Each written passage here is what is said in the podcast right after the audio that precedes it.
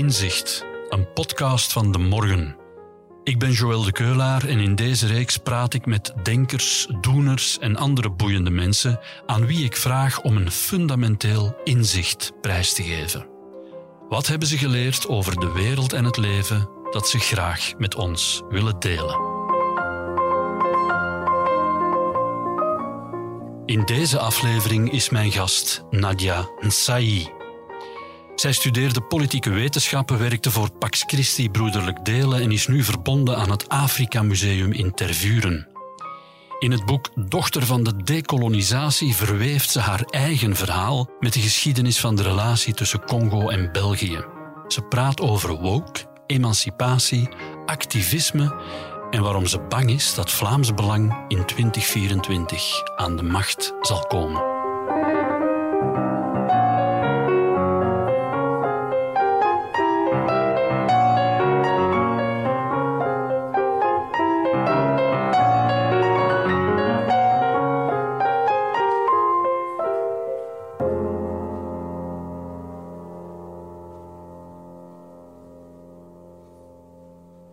Nadia Nsai, welkom in onze podcast. Vind je het goed als we elkaar tutoyeren? Zeker. We hebben dat al gedaan toen we berichten aan het uitwisselen waren. Dus Geen probleem, dank prima, je. Dank je wel. Je hebt politieke wetenschappen gestudeerd, een boek geschreven, Dochter van de dekolonisatie, waarin je eigenlijk eh, de geschiedenis van België en Congo vertelt en verweeft met je eigen familiegeschiedenis, met je eigen geschiedenis, want je hebt wortels in België en in Congo. Je hebt gewerkt voor Pax Christi Broederlijk Delen. Je hebt voor het MAS gewerkt in Antwerpen, daar een tentoonstelling mee begeleid, uh, in de stijgers gezet. En nu ben je verbonden aan het Afrika Museum in Tervuren. Dat klopt allemaal? Ja, dat klopt. Allemaal, heel duidelijk. Voilà, dan zijn we vertrokken. Mijn vraag aan jou is dezelfde als de vraag die ik aan iedereen stel. Is er uit jouw werk, uit jouw leven en werk een inzicht te destilleren, zo'n een, een fundamenteel inzicht in de werkelijkheid, dat je graag met ons wilt delen? Ja, graag. En ik, ik heb eigenlijk niet zo heel lang moeten nadenken over deze vraag. Um, en ook de laatste uh, uh, maanden, of, of misschien het laatste twee jaar, laten we zo zeggen, heb ik toch wel vaak een, een inzicht gehad dat, dat regelmatig dan ook weer terug naar boven komt, namelijk dat je geen verandering hebt in een samenleving zonder activisme. En uh, met alles wat er nu gebeurt, zeker als het gaat over woke, activisme en zo verder, realiseer ik mij des te meer dat het activisme en dat activistische bewegingen essentieel zijn om bepaalde rechten op te eisen in een samenleving. Het is buitengewoon interessant dat je zelf het woord woke gebruikt. Mm omdat heel weinig mensen, als er over woke gesproken wordt, als de term gebruikt wordt, laat ik het zo zeggen, mm. is dat meestal door de tegenstanders. Bart de Wever, Paul Boniface, Diapa Bujaja, noem ze maar op. Er zijn al meer boeken tegen woke geschreven. Je kunt er, al, uh, je, kunt er je, je muur al mee behangen. Uh, maar weinig mensen identificeren zich als woke-activist. Zou je dat zelf wel doen dan? Goh, ik zou dat misschien niet per se zelf doen, maar... Um Eerst en vooral, eerlijk gezegd, het hele verhaal en die hele bashing ten aanzien van de woke-activisten. Ik weet trouwens niet waar die mensen precies zijn. Wie zijn die mensen? We, we horen dat er iets als een soort van woke-beweging zou zijn.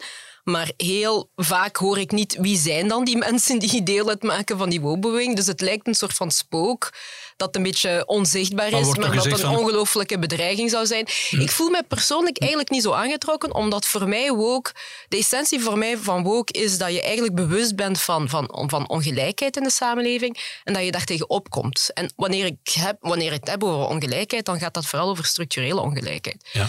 Dus de hele kritiek van Bart de Wever en Diab Abu Jaja, mij persoonlijk raakt mij dat niet. Uh, ik, ik zit al, denk ik, een aantal jaren toch in een logica van, uh, van verzet. Hè? Verzet tegen ongelijkheid. En uh, ik probeer dat te doen op een collectieve manier met andere mensen. Ja, ik begrijp ergens dat er bepaalde figuren zijn, machtige figuren zijn in onze uh, Belgische samenleving, specifiek om Vlaanderen, die daar tegenin komen.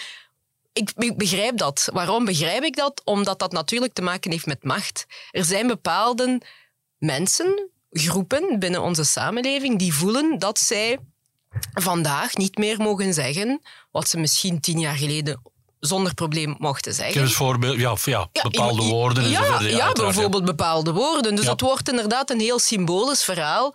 Uh, ik denk dat uh, het, de, de, uitdaging vandaag is voor mij is niet zozeer welke woorden gebruiken wel en, en, en niet, terwijl dat ik dat ook een interessant debat mm -hmm. vind, hè, mm -hmm. omdat het iets zegt over machtsverhoudingen en wie bepaalt taalgebruik en wie niet voor mij de echte uitdaging is die sociale ongelijkheid aangaan. Die er is. Dat is geen persoonlijke mening, dat blijkt ook gewoon uit studies. En dat is de echte uitdaging. En ik vrees een beetje dat mensen die zich zodanig verzetten tegen woke, dat het eigenlijk voor hen ook een beetje een excuus is om niet te gaan spreken over die structurele ongelijkheid in onze samenleving. Mm.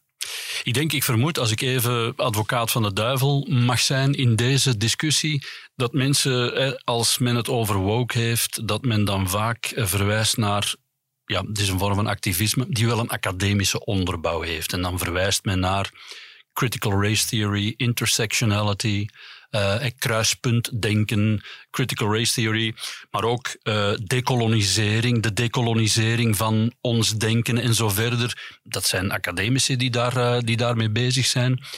Het is daar dat men naar verwijst, denk ik. Men, men verwijst daarnaar, maar ik zou eigenlijk het debat terug willen brengen mm -hmm. op het niveau van gelijke kansen. Mm -hmm. Want alles wat je nu opsomt, de gewone man, de gewone vrouw, begrijpt dat niet. Dus, dus ook in, in, in die zin, ik denk dat wij als, als, als, als, wij als personen die hebben gestudeerd mm -hmm. en, en die moeilijke woorden gebruiken, zoals decolonisatie en zo verder, ik denk dat wij ook ergens voor een verantwoordelijkheid staan, namelijk om dat debat van sociale rechtvaardigheid weer op een niveau te gaan brengen waar de gewone man ook iets aan kan hebben.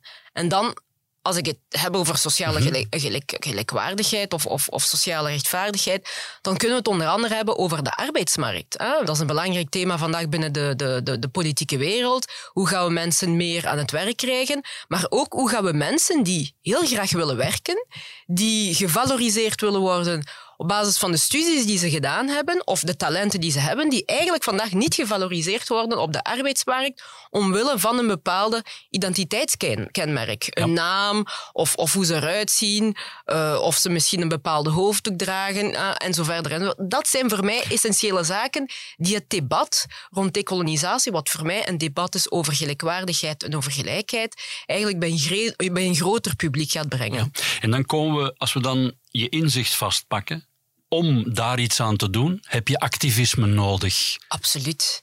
Ja. Absoluut. En dat is een beetje de, de conclusie die ik heb gesteld.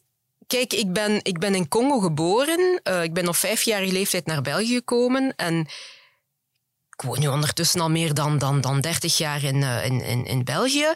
En dan ga je natuurlijk jou ook op een bepaald moment, dat ik toch, mij ik ben mij op een bepaald moment gaan verdiepen in de samenleving waarin ik woon. En specifiek ook in Vlaanderen, want ik ben vooral in Vlaanderen opgegroeid. Ik ben ook in Vlaanderen naar school gegaan. En dan besef je dat er in, in Vlaanderen, in België, verschillende emancipatiebewegingen hebben plaatsgevonden, die trouwens nog altijd strijden voor hun rechten. Ik denk bijvoorbeeld aan de arbeiders, ik denk aan de vrouwenbeweging. Uh, Vlamingen. Vlamingen, inderdaad. Uh, ik denk aan de LGBT-beweging. Uh, en nu zie je ook, denk ik, de laatste jaren, maar het is op zich niet echt een heel recent uh, fenomeen. Hè. Je hebt dat ook al gezien in de jaren 90, in de jaren, begin jaren 2000. Trouwens, Abu Jaja is daar een heel interessant voorbeeld van, want ik heb hem destijds als student van heel dichtbij opgevolgd. Ja, hè, wat er met AL gebeurde. Europese Liga, Inderdaad. 20 jaar geleden. Dus voor mij zijn dat allemaal emancipatiebewegingen. En die bewegingen die hebben bepaalde rechten kunnen verwerven. En dat is niet zomaar uit de lucht gevallen. Het is niet de politieke wereld die aan die specifieke groepen bepaalde rechten spontaan heeft gegeven. Nee, het is omdat er een vorm van activisme is Precies. geweest van vrouwen en van andere groepen, dat bepaalde groepen vandaag in de samenleving bepaalde rechten hebben. En het is een essentieel iets en ik, vond het een, een, ik vind het voor mezelf een, een, een, een cruciaal inzicht, omdat het voor mij aangeeft dat als je jezelf niet engageert als, individu en nog belangrijker, op een collectieve manier met andere medestanders, dan verandert er gewoon niets. Ik heb voor mezelf gezien dat er bepaalde. Ik, ik, ik heb wel wat kansen gehad hè, in, in, in deze samenleving, maar dat heeft ook te maken, denk ik, met um, heel veel geluk ook. Mhm. Ik geloof ook dat het, uh, het, het, leven ook gepaard gaat met een portie geluk. Hè. Ik heb op bepaalde momenten, cruciale momenten, juiste mensen kunnen ontmoeten. Ja. Voor hetzelfde Zonder geluk kun je een vogel voor de kat zijn. Ja, dat, geldt voor ons allemaal. Inderdaad. Kijk, toen ik in België ben aangekomen, 1989, vijf jaar, uh, samen met mijn moeder. Mijn moeder een jonge weduwe. Wij, wij zijn terechtgekomen in Sint-Joost. Sint-Joost is, is de armste gemeente van het land. Mijn moeder mhm. woont vandaag nog altijd in Sint-Joost. Voor hetzelfde geld, indien ik in Sint-Joost was gebleven, indien ik daar was opgegroeid en zo verder, dan zou ik vandaag hoogstwaarschijnlijk niet staan waar ik nu sta. Dus ik wil maar zeggen dat er zijn in onze samenleving bepaalde mechanismen die ervoor zorgen dat bepaalde mensen sneller kunnen lopen dan anderen. Dat is een realiteit. En het betekent daarom niet omdat je per se in Sint-Joost gaat opgroeien, mhm. dat, je, dat je daarom niets kan gaan doen of op de sociale ladder klimmen. Maar het is gewoon veel moeilijker. En, en het is door mijn studies, door het, het, bestuderen van, uh, van, van de geschiedenis van het land, hè, je ziet dat dan ook in, in het verhaal van Vlaanderen, uh, in heel veel andere tv-reeksen, de kinderen van de migratie, wij vrouwen op Canvas, dus die verschillende reeksen die ook gewoon aantonen dat, dat mijn generatie, en, en zeker nog mensen die jonger zijn, dat we dat eigenlijk een beetje dreigen te vergeten, dat er een strijd voorafgegaan is aan rechten waar wij vandaag van kunnen genieten. Als ik als vrouw kan genieten van het feit dat ik kan gaan stemmen, dat is omdat daar een hele strijd aan vooraf gegaan is. Precies, dat is interessant. Heel interessant. Doet me denken aan, aan iets wat Annelien de Dijn, de Nederland, Vlaamse historica, maar verbonden aan een Nederlandse universiteit ook zegt. Die rechten die vrouwen, arbeiders, LGBT-mensen, uh, mensen met migratieachtergrond, de rechten die bepaalde minderheden, of ja, ook geen minderheid, want vrouwen zijn geen minderheid helemaal niet. Mm, of eh, geminoriseerd. rechten komen niet uit de lucht vallen omdat politici zo doordrongen zijn van allerlei liberale principes waarvan ze vinden dat die ten uitvoer moeten worden gebracht. Het homohuwelijk is er niet gekomen mm. omdat, uh, dus het huwelijk voor mensen mm. is niet opengesteld voor mensen van hetzelfde geslacht omdat politici plots dachten, ah ja, de liberale principes van John Stuart Mill, die moeten we hier in de praktijk brengen. Nee, dat is het resultaat geweest van ja politieke strijd. Absoluut. En Buiten het parlement. Absoluut. En soms vergeten we dat. Uh, als we bijvoorbeeld het, kijken naar, naar uh, het feit dat we vandaag in ons parlement heel veel vrouwen hebben, ja, wij zouden dit als een evidentie kunnen zien. Maar dit is iets dat vrouwenquota, dit, dit, dit, dit, is iets heel recent eigenlijk. En ik herinner mij nog destijds... Vrouwenquota, dat bij de N-VA-vrouwen horen dat niet graag. Die, die, vinden dat ze er op eigen merites zitten. Hoe ja, maar ik, uh, ik twijfel daaraan. Als ik bepaalde mensen zie, dan twijfel ik eraan dat ze daar inderdaad echt op eigen merites zitten. Ik denk dat, dat het een goede zaak is geweest destijds, dat er een wettelijke duw is gekomen mm om ervoor te zorgen dat meer vrouwen eigenlijk toegang hebben gekregen tot de politieke wereld. En dat is alleen maar op parlement. Want we zien bijvoorbeeld op niveau van de uitvoerende macht dat dat nog altijd een hele grote uitdaging blijft om, om, om, om meer vrouwen minister te maken, staatssecretaris en zo verder. Dus nee, ik, ik ben daarvan overtuigd. En ik vind ook dat we een beetje moeten afstappen van het idee dat um, activisme dat dat iets vies is. Dus, dus ik vind dat nu met het hele woke-verhaal, activisme wordt een beetje in bepaalde milieus voorgesteld als iets dat, dat vies is, dat radicaal is en zo verder. Maar activisme is soms is radicaal en moet ook soms radicaal zijn. Radicaal is nog iets anders dan, dan, dan extreem of, of, of gewelddadig. Maar het is juist door activistische groepen te hebben in een samenleving dat wij alert blijven. Mhm. Anders zouden wij niet alert zijn en anders zou de macht gaan naar mensen die al die het evident vinden dat zij veel macht hebben en dat ze de macht niet per se moeten delen met andere groepen. Dus ik vind dat activisme juist belangrijk is om ons, om ons, om ons waakzaam te houden als samenleving. En er is een fase van conflict. De emancipatie van de arbeider is niet zonder slag of stoot gegaan. Idem dito voor die van de Vlamingen enzovoort. Ja. enzovoort. Dat, ja, dat is die, die fase van... Waar zitten we als we bijvoorbeeld kijken naar mensen met uh, Vlamingen met migratieroots. In welke fase van, van, de, van de emancipatiebeweging zitten we volgens jou? Ik wou nog even terugkomen hm. op het uh, punt van, van conflicten, uh, spanningen. Kijk, emancipatie gaat samen met polarisatie. Dat is zo. Ik begrijp dat dat niet fijn is, aan, dat, dat, dat er over bepaalde, vaak heel symbooldossiers, aan, dat, dat er heel veel polarisatie is. Maar op zich hoeft dat niet iets slecht te zijn. En ik zie conflicten... Mhm ik, ik, ik, ik ben opgeleid, uh, laten we zeggen, bij Pax Christi. Pax Christi is een, uh, ja, een, een vredesbeweging. Ja. Hè? Dus ik heb daar een zekere vorming gekregen op vlak van actieve geweldloosheid. Wij zeiden destijds, conflicten zijn ook momenten, gelegenheden om te groeien. Wanneer wij het elkaar, met elkaar oneens zijn over bepaald iets, het, het- de uitdaging is om dan met, in gesprek te gaan met elkaar. Te luisteren naar elkaars argumenten en zo verder. Ik geloof niet in een samenleving waar iedereen op dezelfde manier gaat denken, want dan zit je in een dictatuur. Dus die polarisatie is op zich geen probleem. Verdeeldheid is volstrekt Ja. normaal. Voilà, inderdaad. Maar we moeten inderdaad daarin een soort van respectvolle manier vinden om met elkaar in dialoog te gaan en elkaar ook ergens te gaan tegenkomen om compromissen te sluiten.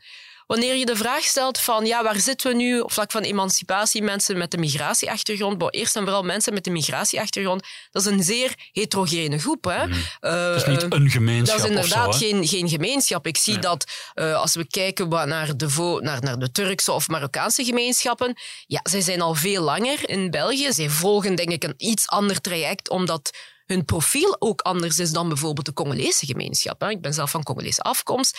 Congolese eh, migratie in België is een vrij recente migratie. Is een migratie die ook eigenlijk eerst begonnen is eh, vanuit eh, studieredenen. Congolezen zijn naar België gekomen om niet te komen werken, maar om te komen studeren. Terwijl dat de Turken en de Marokkanen vooral gekomen zijn om te komen werken. Dus dat heeft sowieso al een andere dynamiek gecreëerd. En ik denk dat dat er ook voor zorgt dat we vandaag eigenlijk vooral als Belgische samenleving ons meer en meer beginnen realiseren dat er ook zoiets is als een zwarte gemeenschap. Die zwarte gemeenschap is eigenlijk redelijk recent. En die heeft ook een ander profiel. Zou je daar wel het woord gemeenschap gebruiken? Eh, ik, ik voel aan dat er een gemeenschap is.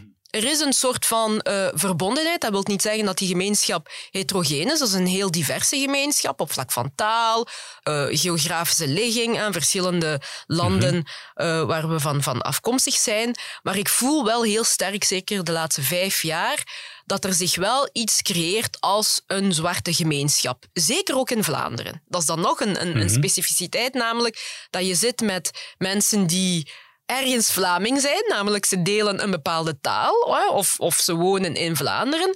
Maar daarnaast hebben ze ook een andere eh, eh, gelijkenis of, of een gemeenschappelijk iets, namelijk ja, die, die, die zwarte Afrikaanse eh, cultuur die ze ook wel delen. Dus in die zin, ik, ik moet zeggen dat ik vooral de dynamiek volg van die zwarte gemeenschap, omdat ik natuurlijk mezelf ook zie als deel uitmakende van die groep. En omdat ik zie dat die groep er toch wel in slaagt, als ik kijk in Vlaanderen, om op vrij korte tijd zich een plaats te gaan geven, heel bewust zeg ik te gaan geven, aan tafel. Niet zozeer te gaan vragen, mag ik mee aan tafel zitten, maar zich een plaats te gaan geven. We zien dat in de media. Hè? We zien heel wat eh, zwarte opiniemakers die de weg hebben gevonden naar eh, eh, mainstream media. Ik zie dat zelfs op niveau van politieke partijen en zo verder. Dus in die zin denk ik dat... ja, dat er toch wel een inhaalbeweging is. Ook als we kijken naar de Marokkaanse gemeenschap, die vandaag nog heel veel geconfronteerd wordt met racisme, discriminatie, islamofobie ook en zo. Maar dat je toch wel ziet dat, dat, dat mensen op sociaal-economisch vlak ja, toch een plaats proberen op te eisen. En ik vind dat een positief iets. En dat is denk ik ook hetgene dat ervoor zorgt dat er ook weer spanningen ontstaan. Want hoe meer mensen ruimte krijgen, hoe meer bepaalde mensen die dat eigenlijk niet graag zien gebeuren, daarop gaan, gaan reageren. En dat is eigenlijk de situatie waarin we ons vandaag bevinden. Ja, dat, dat er moet ruimte gemaakt worden voor iedereen. Ja, dat, dat is het officieel dat- discours, ja. En dat betekent per definitie dat de ruimte die vroeger werd ingenomen Ja. door bijvoorbeeld... eh, Zeg het maar. ja. Hoe heet dat tegenwoordig? Ik, probeer de, ik zal niet de moderne te- terminologie gebruiken, maar door oudere, eh, blanke, heteroseksuele mannen. Ja. Ja, die je, hebt het, moeten- je hebt het gezegd. Ja. Die moeten ja. plaatsmaken. Ja.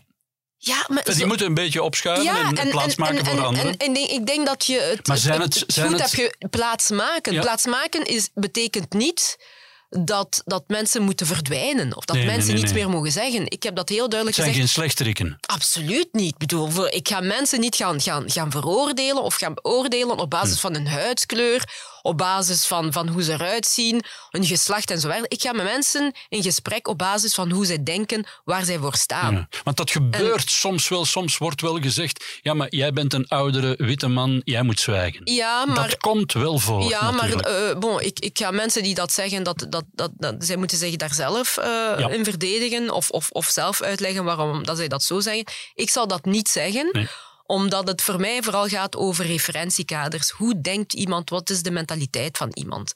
En ik zie evenzeer ook mensen die een donkere huidskleur hebben, die ook op een bepaalde manier denken. En ik zie andere mensen die, die eerder wit zijn en die meer progressief zijn dan iemand van kleur. Dus het, voor mij, het gaat eigenlijk hier niet over kleur, het gaat over wat is de mentaliteit van mhm. iemand.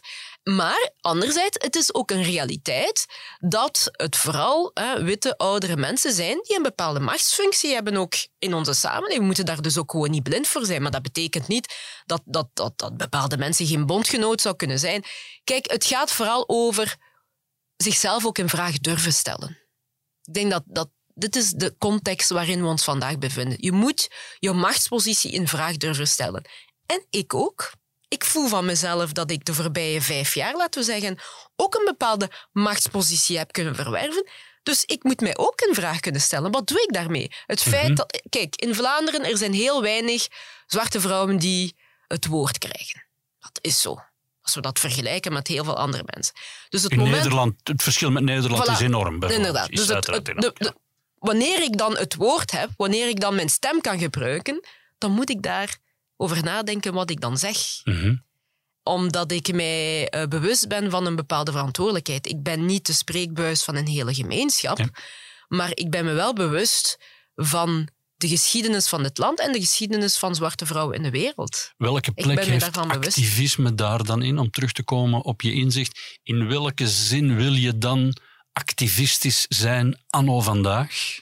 Um, het is zelden dat ik mezelf voorstel als een activist. Ik denk dat andere mensen dat liever in mijn plaats doen omdat ik denk ook dat een activist ook iemand zij, moet, moet zijn die ook buiten een professionele werkcontext zich inzet voor een bepaalde zaak. Heel veel zaken die ik doe, doe ik vooral in een professionele context. Dat betekent dat ik weet dat ik op het einde van de maand mijn loon krijg. Mhm. Dat is, een dat is geen activisme. Dat is, voor, voor, mij is dat een vorm van privilege. Hè? Ik kan doen in mijn professioneel wereld wat ik wil doen en ik probeer daarin eigenlijk ruimte te maken om een zekere druk te gaan leggen op beleidsmakers en zo verder. Ik vind dat een vorm van luxe activisme.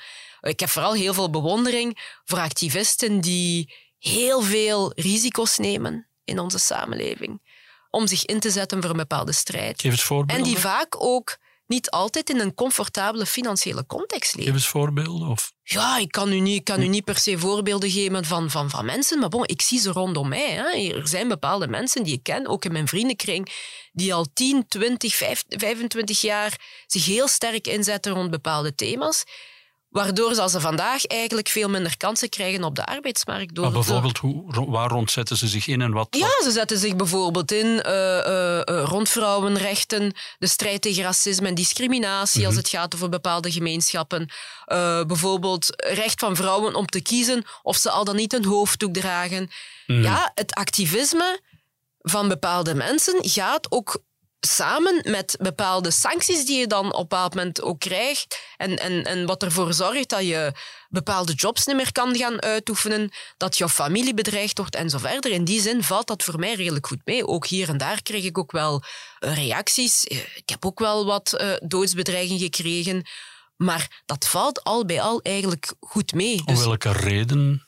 Um, ik heb twee jaar geleden toen zeg je toch een, een, een heel week lang uh, serieuze reacties gekregen na een interview tv met uh, de premier Alexander De Croo. Ik denk dat hij, ja, hij was toen al premier.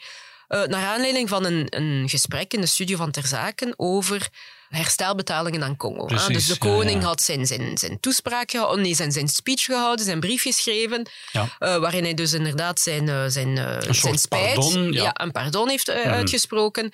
En ik heb inderdaad in de studio gezegd dat ik persoonlijk niet voorstander ben van herstelbetalingen aan Congo, maar dat de Congolese staat wel het recht heeft om dat op een op tafel te leggen in het gesprek met België.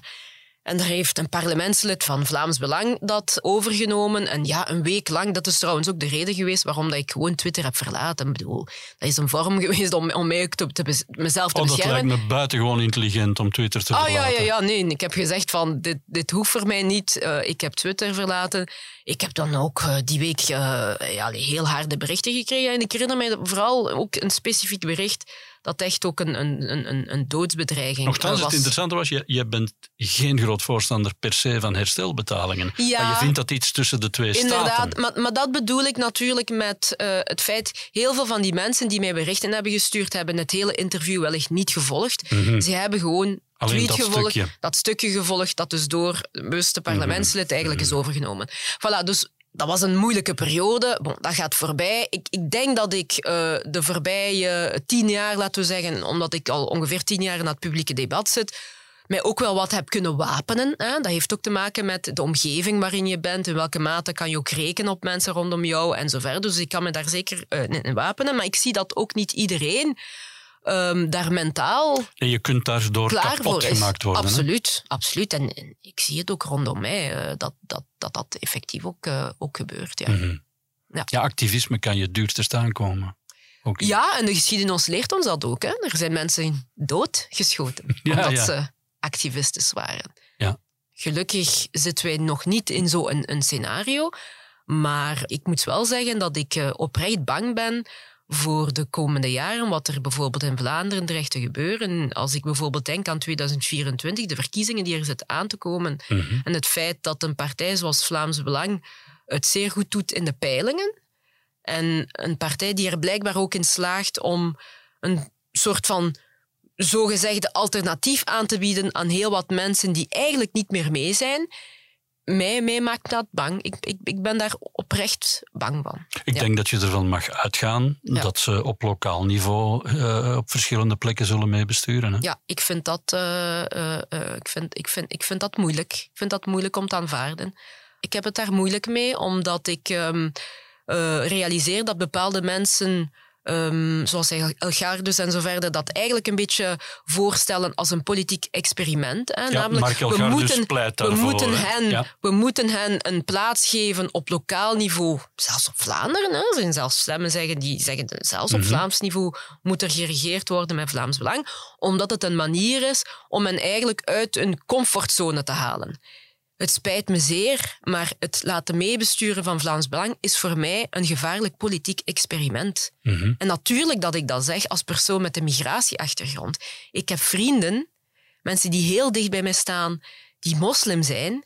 Ik heb andere vrienden die geminoriseerd zijn, die het slachtoffer dreigen te worden van een, van een beleid samen met, met Vlaams Belang. Dus uiteraard ben ik daar niet voor. Ja, ik ook niet. En ik. eh, En dat is natuurlijk een ja. spanningsveld. Hè? Ja. Van, van hoe democratisch is dat dan? Hè? Dat weigeren. Hè? Dus dat is, dat is, want uiteindelijk, zij mogen Perfect deelnemen aan, hè? ja, zij mogen deelnemen aan verkiezingen. Zij mogen in het parlement zitten.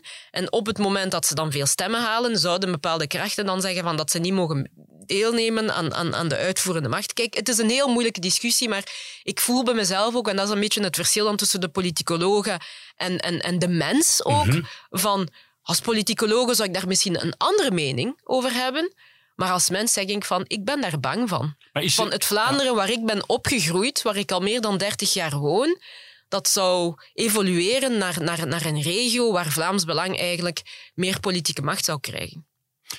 Welke vormen van activisme kunnen er nog ondernomen worden om dat gevaar af te wenden? Of Ja. als dat nog mogelijk is, natuurlijk. Kijk, voor mij is het duidelijk, ehm, ze zullen deelnemen aan verkiezingen. De kans is groot inderdaad dat ze lokaal op een aantal plaatsen zullen meebesturen. En ik sluit niet uit dat dat ook op Vlaams niveau gebeurt. Ik sluit dat helemaal niet uit. Ik denk dat dat op dat moment dan, en dat is dan echt mijn activistische ziel Mhm. die spreekt, die redelijk gemodereerd is, vind ik, eh, Ja, van je zei mezelf. van je bent niet, Ja, je ja. voelt jezelf niet echt een activist. ik zou nu. mezelf niet direct omschrijven als een activist. Ik heb wel een activistische ziel, anders zou ik niet doen wat ik doe. hè. Dus Mhm. ik ben niet iemand die zich beperkt tot analyses. Ik ben iemand die ook probeert na te denken aan oplossingen en probeert ook om, om een zekere druk te gaan uitoefenen op beleidsmakers om dan bepaalde veranderingen te gaan bekomen. Dus in die zin zeg ik dat ik wel een activistische ziel heb. Maar inderdaad... Dat is ook wat je gedaan hebt, als ik even mag, bij Pax Christi, in het MAS, Ja, bij zeker. het Afrika Museum en Ja, zo. ja, dat ja. zijn plekken waar je Ja, ja. dingen in beweging Ja, kunt zetten. absoluut. Ja. En ik denk dat we ook zeker nood gaan zullen hebben aan verzet, indien dat Vlaams Belang mee zal besturen in 2024. Verzet. Uiteraard geweldloos verzet. Geweldloos Ja, verzet. ik ben voor actieve geweldloos verzet. Ja. En hoe... eh, In verzet in de zin van... eh, ik denk dat we het ons niet goed realiseren wat dat dus eigenlijk teweeg kan brengen. En dat heeft natuurlijk te maken ook met, met ons onderwijs. Hè. Eh, bon, kijk, ik heb zelf niet eh, de Tweede Wereldoorlog eh, meegemaakt. Hè. De verhalen over, over collaboratie en zo. Bon, ik heb daarover gelezen. Ik heb de, de reeks bekeken, Kinderen van de Collaboratie. Maar dat zijn geen zaken die ik persoonlijk zelf heb meegemaakt. Maar wanneer je dan gaat spreken met generaties van mensen, mensen, personen die de periode wel hebben meegemaakt en die, die beseffen wat dat betekent, collaboratie, ja, dan, dan ga je wel twee keer nadenken. En laat ons eerlijk zijn, die partij heeft wortels ook daar. Mhm. Dus er is een link.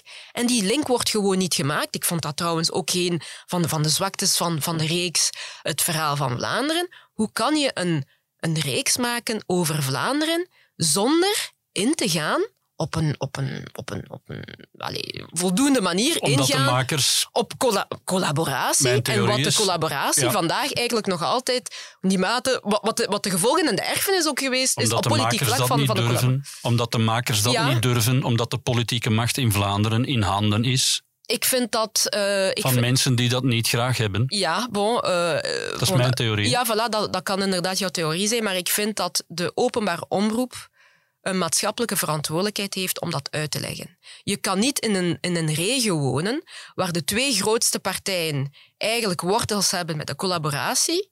Dan heb ik zelfs nog niet gesproken over CD&V, maar daar moeten we het ook misschien over hebben, hè, want zij worden nooit meegenomen in dat verhaal, de vroegere CVP. Ik vind dat dat niet kan. Dus als je wilt uitleggen aan mensen hoe Vlaanderen is ontstaan, hè, het, de, de- die hele Vlaamse beweging en, en die, dat emancipatieproces ook op politiek vlak, het, het ontstaan van de Vlaamse ge- gemeenschap waarin Mhm. wij vandaag in leven, hè, dat zich ook politiek vertelt, ja, als je dat verhaal niet vertelt, dan, dan, dan vind ik dat dat een zeer groot probleem is. En dat verklaart natuurlijk ook waarom dat heel veel mensen ook een kennisdeficit hebben. Hè? Dus veel mensen, als ik dat, als die, als ik dat zou, zou uitleggen aan bijvoorbeeld mijn generatiegenoten, van kijk, er is een link tussen Vlaams Belang en collaboratie, zij gaan dat niet meteen snappen, want wij hebben dat niet geleerd op school. En ik besef dat ik eigenlijk nu pas echt bezig ben met dat thema, omdat ik een nieuw boek aan het voorbereiden ben over een Belgisch-Congolese dame, die dus ook een link heeft met de collaboratie. En ja, wij leren die zaken Nee, niet op school. Ook daar Dus zit de moet- angst. Hè? Leer, niet alle leraren willen of durven dat uitleggen in Ja, het en klaslokaal. Kijk, ik, ik, ik begrijp dat ehm, die collaboratie is zeker in Vlaanderen, maar ook in Wallonië. eh, Want Wallonië heeft ook, een Wallonië, ja, collaboratie verleden. uiteraard. Maar is in Vlaanderen een schandvlek. Is gewoon zo. Zoals kolonisatie, maar op een ander niveau. En eh, het is zo dat, dat, dat samenlevingen het moeilijk hebben om het gesprek aan te gaan over traumatische gebeurtenissen. Het is een ongelooflijk traumatische gebeurtenis geweest voor, voor Vlaanderen. En dat vraagt inderdaad dan ook tijd. Hè? En ik denk dat we de laatste jaren, zeker ook met reeksen zoals Kinderen van de Collaboratie, dat we dat wel bespreekbaar durven maken. Maar ik vind het een ongelooflijke gemiste kans Mhm. dat men dat niet gedaan heeft in een reeks met 1 miljoen of zelfs meer dan 1 miljoen kijkers. Het is Mhm. een ongelooflijke gemiste kans en eigenlijk een pure schande. Ervaar je soms niet een, ehm, zal ik het zeggen, een verlangen of een drang of een wens of een gevoel dat je in de politiek zou moeten gaan? Ja, ik wist dat de vraag ging komen. Ze Ehm, ontstaat op dit moment ja, heel spontaan, ja, nee, maar ze ik- ik- dringt zich op ik als ik je dat. bezig hoor. Ja, maar eh, ik, eh, ik ben inderdaad niet... Ik ben heel sterk geïnteresseerd in politiek. Ik heb dat al van, van, van, van mijn studentenperiode. Dat ik eh Belgisch politiek, ja, ook de dynamiek in Vlaanderen en zo, maar ook de, de, de, de algemene eh, internationaal politiek heel sterk probeer op te volgen. En ik heb uiteraard, en zoals heel veel mensen van kleur, zeker vrouwen, hè, men zoekt natuurlijk ook vrouwen van kleur om je lijsten te kleuren. een goede Voilà, inderdaad. Dus ik heb krijgen. inderdaad die vragen ook gekregen, maar ik voel me inderdaad niet geroepen, omdat er geen enkele politieke partij is in het land dat eh, mij kan overtuigen om, om, om, eh, om, om toe te treden. Hebben Rick Torres en Abu Jaja toevallig met je gepraat ook? voor hun nieuwe middenpartij, zo gezegd? Ik heb uh, nog nooit een gesprek gehad met, uh, met Rick Torfs. Ah, ja, ja. Okay. Eh, wat ik wel doe, is eh, proberen om rondom mij mensen die wel die interesse hebben om politiek actief te zijn, wel aan te moedigen en, mhm. en, daar ook in te, te ondersteunen. Want maar waarom zelf niet? Want je hebt een buitengewoon... Je hebt een, waarom je hebt niet? Omdat ik... Uh, ik je ben... bent scherp, je bent helder, je, hebt een, een ja. je, je, kunt fantastisch uh, de zaken goed ja. uitleggen, dus je bent buitengewoon geschikt voor de stil. Ja, maar ik denk dat er andere voorbeelden ook zijn, zijn geweest van, van, mm -hmm. van vrouwen van kleur die, die mondig zijn en zo verder. Ik denk dat het ook een beetje te maken heeft met mijn persoonlijkheid. Ik ben iemand die houdt van vrijheid. Gewoon een partijlijn gaan volgen of een bepaalde partijdiscipline gaan volgen. Dat is iets dat niet in mijn aard ligt. Ik zou het bijvoorbeeld al vreselijk vinden om deel te maken van een politieke partij en alle wetten mee te gaan stemmen die dus op de lijn zijn van de politieke partij en niet gewoon op mijn eigen manier. Dus het, het, de mhm. particratie uh, die we vandaag zien in, in, in België is iets waar ik totaal niet in zou kunnen functioneren. Het is wel een belangrijk moment in de geschiedenis, want 2024 is niet ver meer natuurlijk. Het is niet ver meer, maar uh, ik, ik heb ondertussen ook wel uh, begrepen dat je ook een bepaalde invloed kan uitoefenen op het beleid zonder per se deel te maken van een bepaalde politieke partij. Dus ik heb contacten binnen de politieke wereld mm -hmm. zonder dat ik een politiek... Ja, je hebt achter de schermen ook voilà, gewerkt voor CD&V, zelfs voor N-VA geloof ik. Nee, nee, ik heb, uh, niet, no, ik heb niet... Uh, niet voor de partij, maar... Ik heb contacten gehad contact met, met Karel van Lauwen onder meer. Absoluut. Dus ik heb contacten ja, ja. met alle uh, politieke partijen, alle mm -hmm. democratische politieke partijen.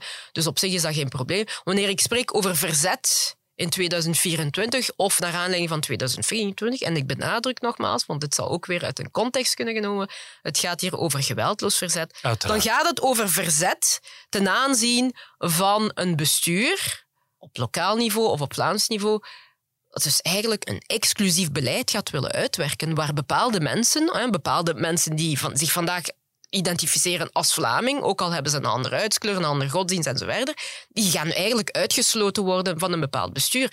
Ja, daar, ik, ik kan niet anders dan mij daartegen gaan verzetten. En ik ben blij te zien dat er toch wel bepaalde initiatieven ontstaan. Hè? Dus dat dat iets is dat, dat toch ook wel breder leeft, die ongerustheid. En dat er initiatieven ontstaan, burgerbewegingen ontstaan, met het oog op 2024. Ja? ja.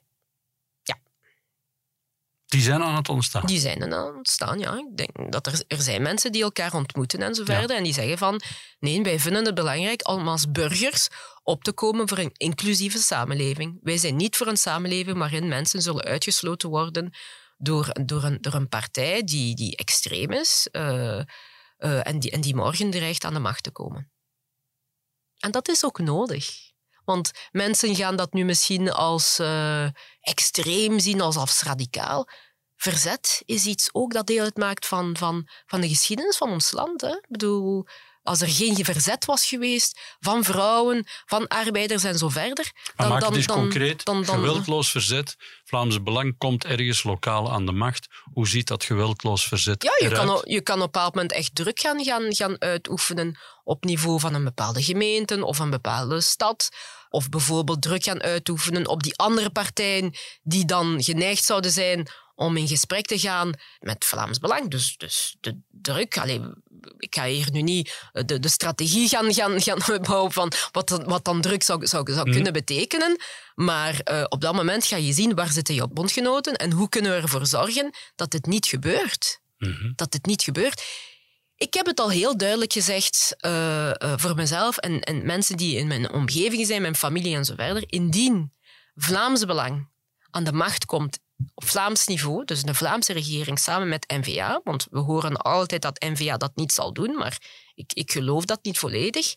Indien dat zou gebeuren, ik, ik, ik verlaat Vlaanderen. Ik wil niet in een Vlaanderen leven waar ik al meer dan 30 jaar leef, waar ik natuurlijk ook een bepaalde affiniteit mee heb. Mhm. Hè? Dus, dus, dus ik voel me hier op zich goed, het is ook mijn thuis.